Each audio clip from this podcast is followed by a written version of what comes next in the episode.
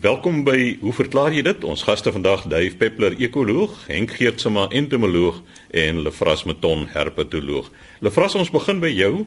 Jy gesels oor koggelmandereiers. Ja, Chris, ek het 'n navraag gekry van Piet Leroux van Napier. Hy het geskakel en lekker gesels met telefoon en toe het hy vir my nou 'n klomp inligting gestuur oor eiertjies wat hy in die grond gevind het. Nou wil hy weet wat se eiers dit is. En Henk Piet Leroux, hy sê hy was bekend as Lem. Hy sê ek moet vir jou ook groete stuur. Nou ek ken ook die Lem, dit is Henry Hannibal, maar dit is al nou seker nie familie van Piet Leroux nie. In elk geval, net so oor die eiers, dit was gate wat gegrawe was vir plante in die erf langs waar Piet bly en lyk my die een gat is daar toe nog nie plante ingeplant nie en hy's waarskynlik opgevul met grond maar die grond was baie sag en toe het hulle nou weer oopgegrawe en nou 6 eiers gekry so op 'n diepte van 6 tot 8 cm redelik vlak dus en die eiers is die lengte so 18 mm en so 11 mm wyd, so redelike klein eiers. Hy sê die dop van die eiers is sag en amper leeragtig. Met ander woorde as jy op met jou vinger daarop druk, dan duik dit in.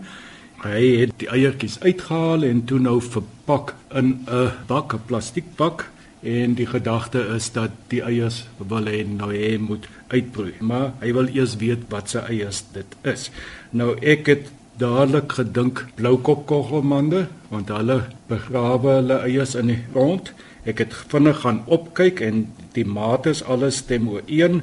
So heel waarskynlik bloukop koggelmande Piet het dan ook gesê het nie baie nie maar hy het by geleentheid alle bloukop koggelmande gesien.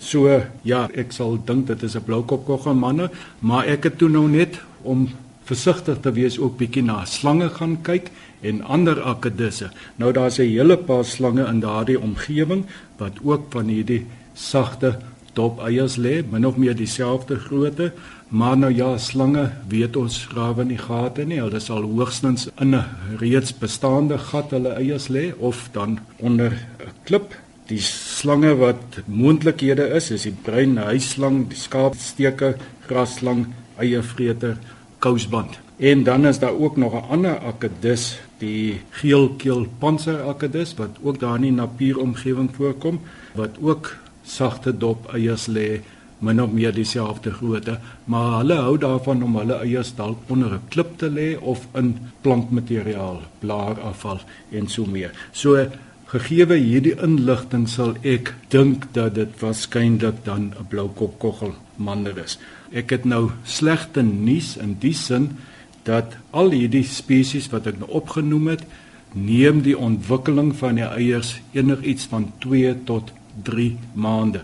So Piet gaan maar moet geduldig wees en so wag tot einde Januarie, iewers in Februarie voor hierdie eiers waarskynlik gaan uitbroei.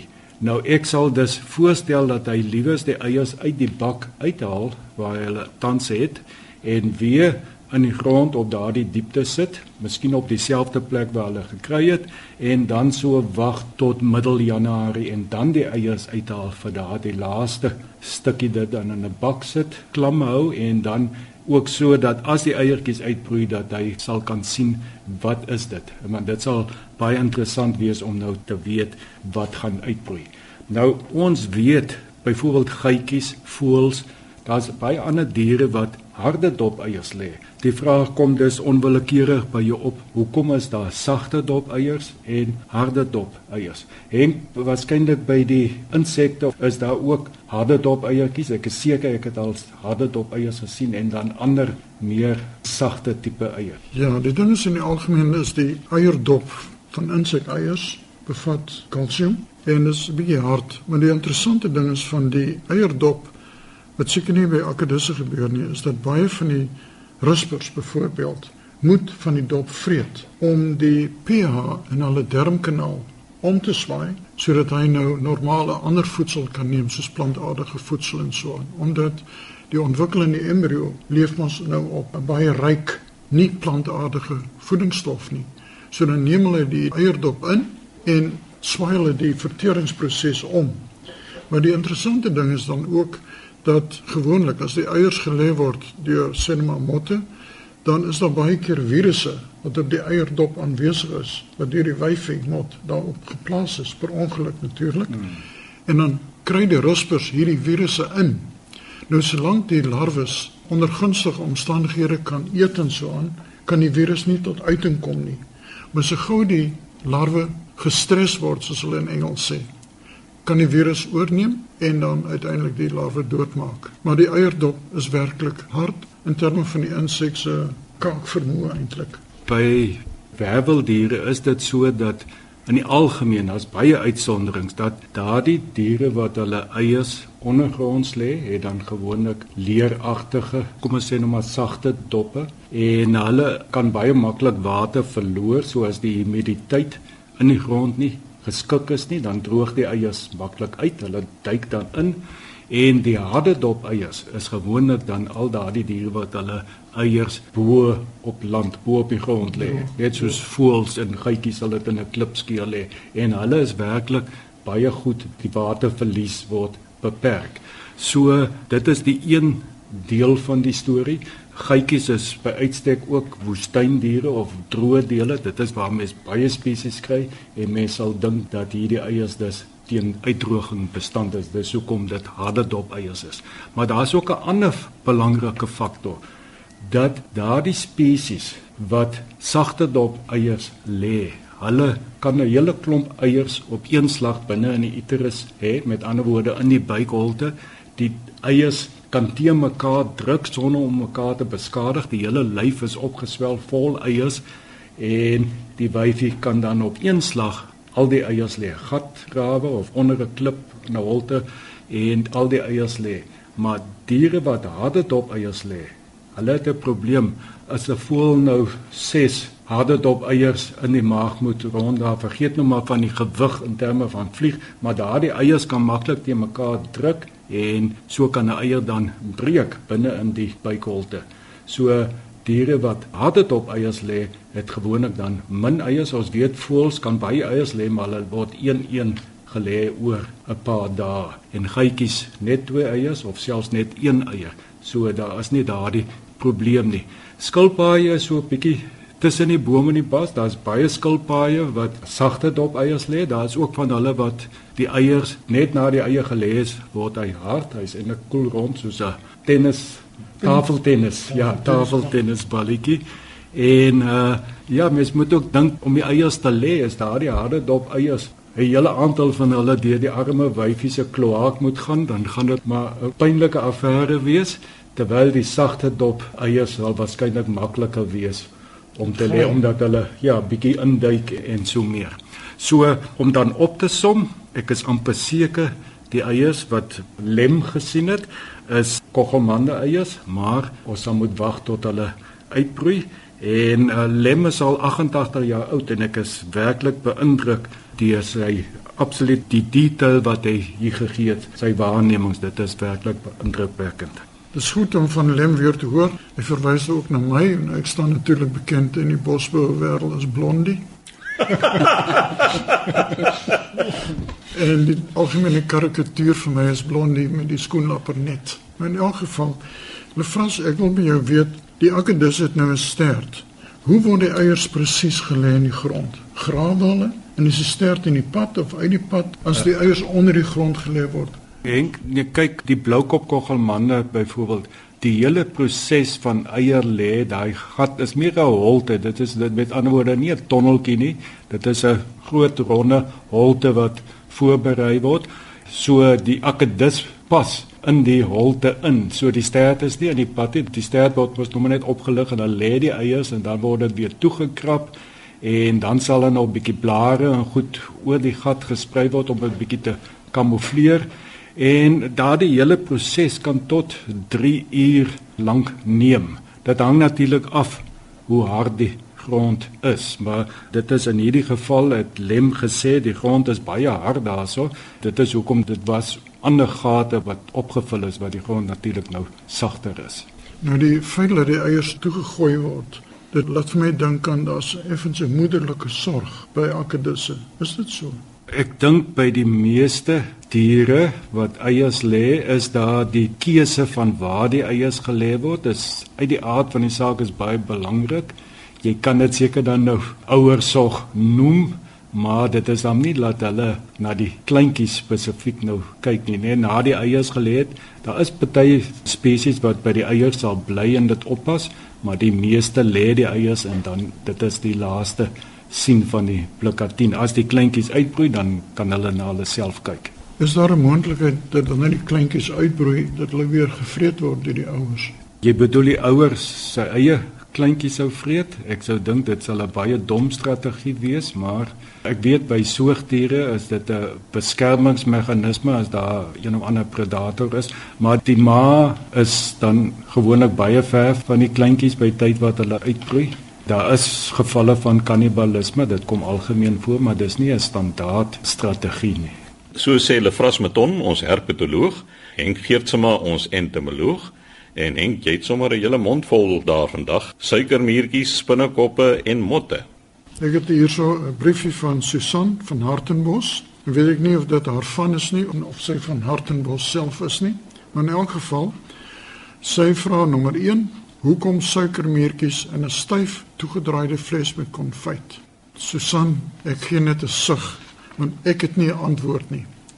Die enigste manier hoe hulle in die konfyt kan kom is wanneer die deksel iewers te lê en die deksel word opgeskroef en hulle is vasgevang binne-in. Maar ek dink daar's geen manier wat suikermeertjies in 'n styf toegedraaide fles kan kom nie. Ongelukkig sê ook nie hoeveel daar is nie. As dit net 1 of 2 is, kan 'n mens sê dit is maar 'n toevallige kontaminasie van die konfyt self. Bevras? Ek dink die moontlikheid is wanneer dit opgeskroef word dat hy nie dig seël nie, dat daar 'n openingkie is waarmee jy dan kan ingaan. Dit is tog maar al moontlikheid, want dit ja. kan nie eiers wees nie. Ja, die ding is ek meen die volksnaam suikermeertjies dui aan hulle word aangelok na enige soetigheid. So as mens nou konfyt maak en so aan kan 'n mens verwag en baie keer wat gebeur as my vrou konfyt maak, dan staan die bottels oop in die kombuis om af te koel oor die nag. En dit mag wees dat hulle dan op die manier in die konfytbottel kom en mense sien dit nie raak nie, jy sit die deksel op in die oggend en jy skroef dit toe en daar's dit. So ek het nie eintlik 'n antwoord nie, ons spekuleer maar eintlik maar 'n bietjie. Die tweede vraag van Susan is: Hoekom as ek vandag huis skoon maak, sit volwasse langbeenspinnekoppe die volgende dag in die hoek. Waar kom hy so vinnig vandaan? Nou natuurlik langbeenspinnekoppe kan huis en sys wees, mannetjies en wyfies. Ek dink wat gebeur as mense huis skoon maak?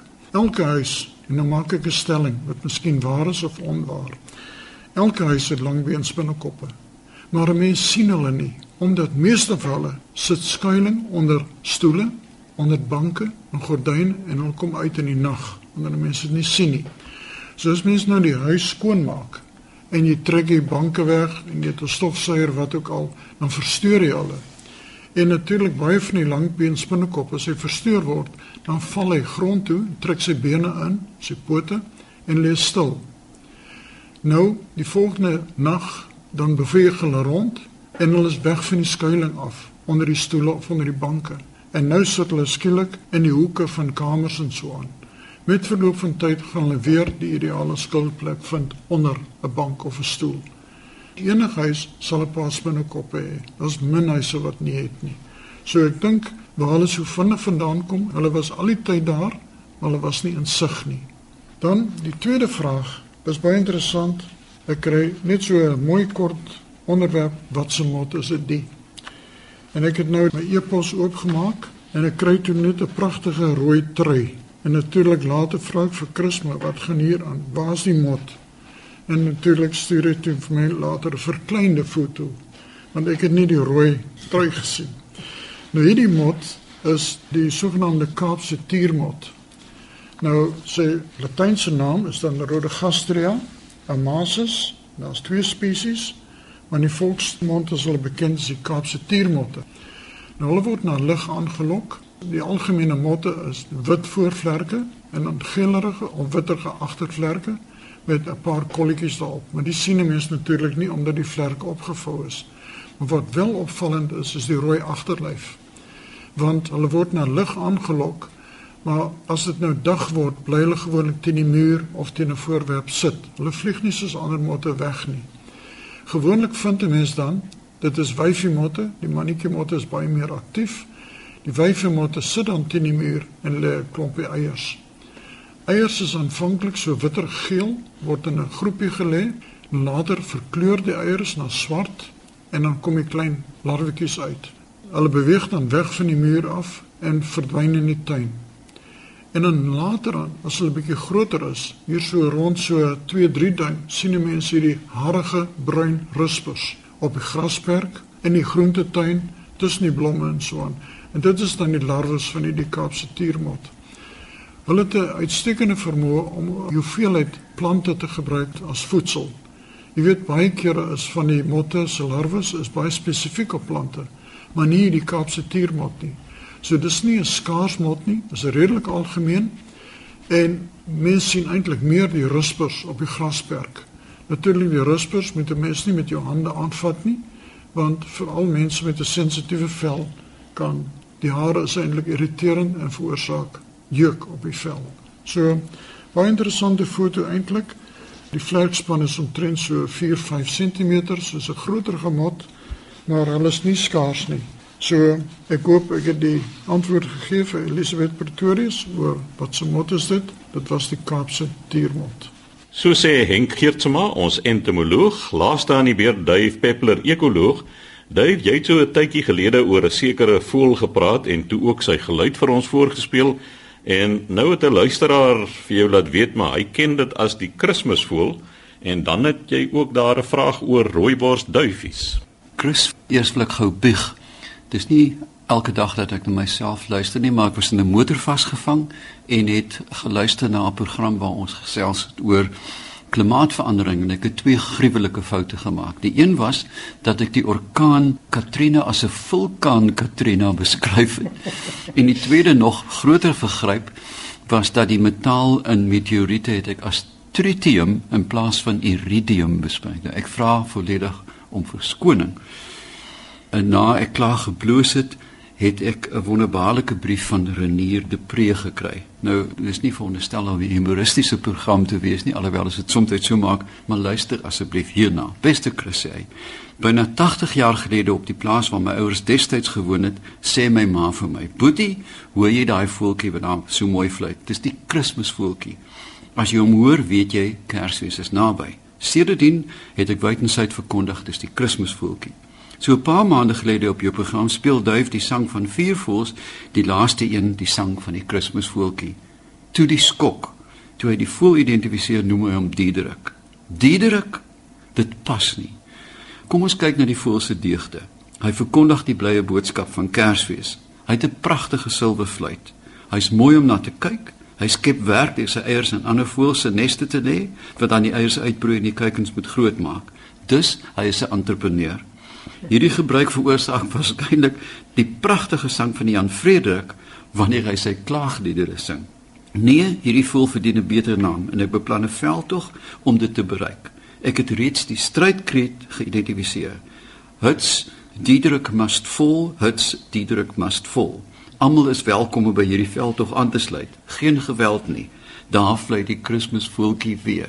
Ek dink dis 'n lieflike brief en ek sal nooit weer na hierdie voeltjie kan luister sonder om aan Kersfees te dink nie. Net om die luisteraars te herinner, hier is die roep weer.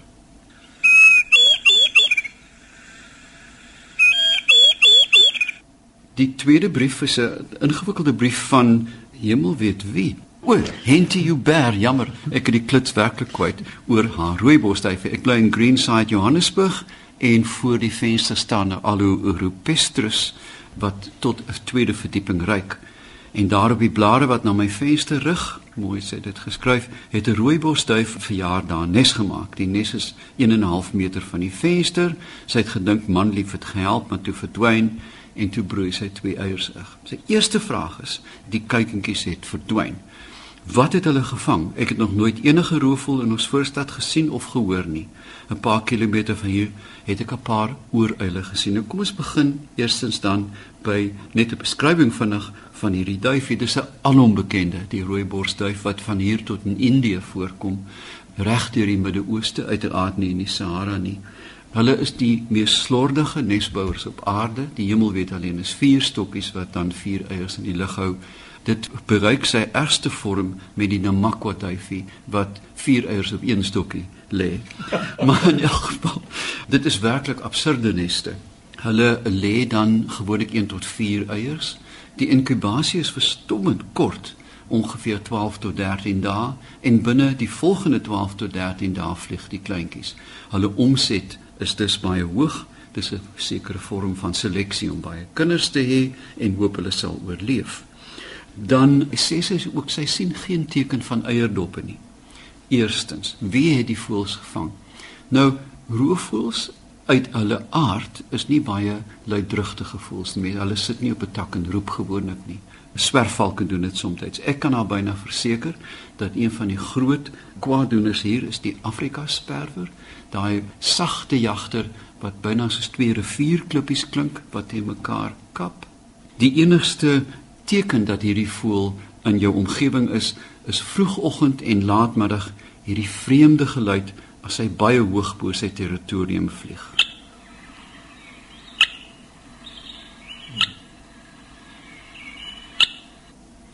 Dan is daar nog heimlike jagters, die rooiborsperwer en uiteraard die swartsperwer. Hulle maak geen geluid nie, maak eenvoudig dood en dra weg. Nou, sy sê verder, begin die nes nou byna grotesk raak deur al die uitwerpsels. Die nes raak hoër en hoër en nou en dan 'n stokkie daarbey en dit is 'n algemene ding. 'n mens vind dat hierdie diere die nes oor en oor gebruik want hulle is monogam met ander woorde hulle paar vir hulle 'n hele leeftyd en as 'n mens dink in terme van jong voeltjies of klein voeltjies soos duwe kan hulle in die orde van 6 hoogstens tot 7 jaar in die natuur lewe. Ek dink sy is baie gelukkig Henty dat jy hierdie wonderlike spektakel voor jou venster het. Jy kan sit en tee drink en kyk hoe die duwe hulle lewe voer. Hulle vreet uiteraard saad. Die duwe kry hulle vrassel weet, 'n sogenaamde kropmelk wat hulle kleintjies die eerste paar dae mee voer, maar daarna met saaitjies wat gewoonlik effens sag gemaak word in die krop vermoed ek voor hulle dit aan die kleintjies voer. Hulle is uiters suksesvol. Hulle hou van boskasies, maar ook van versteurde grond. So as jy in die Karoo kom en daar's 'n ou geploegde landjie of 'n ou saaidam, dis presies waar jy hierdie duifie sal kry. En dan kan 'n mens byna sê van 'n Gallus tot by die Rooi See is hierdie een van die universele duwe van Afrika met sy wonderbaarlike weemoedige roep. Baie dankie Henty vir 'n baie lekker vraag. So sê Dave Peppler, ons ekoloog daarmee het die tyd ons ingehaal. Skryf gerus aan ons by hoe verklaar jy dit? Posbus 2551 Kaapstad 8000 of stuur 'n e-pos aan chris@rsg.co.za.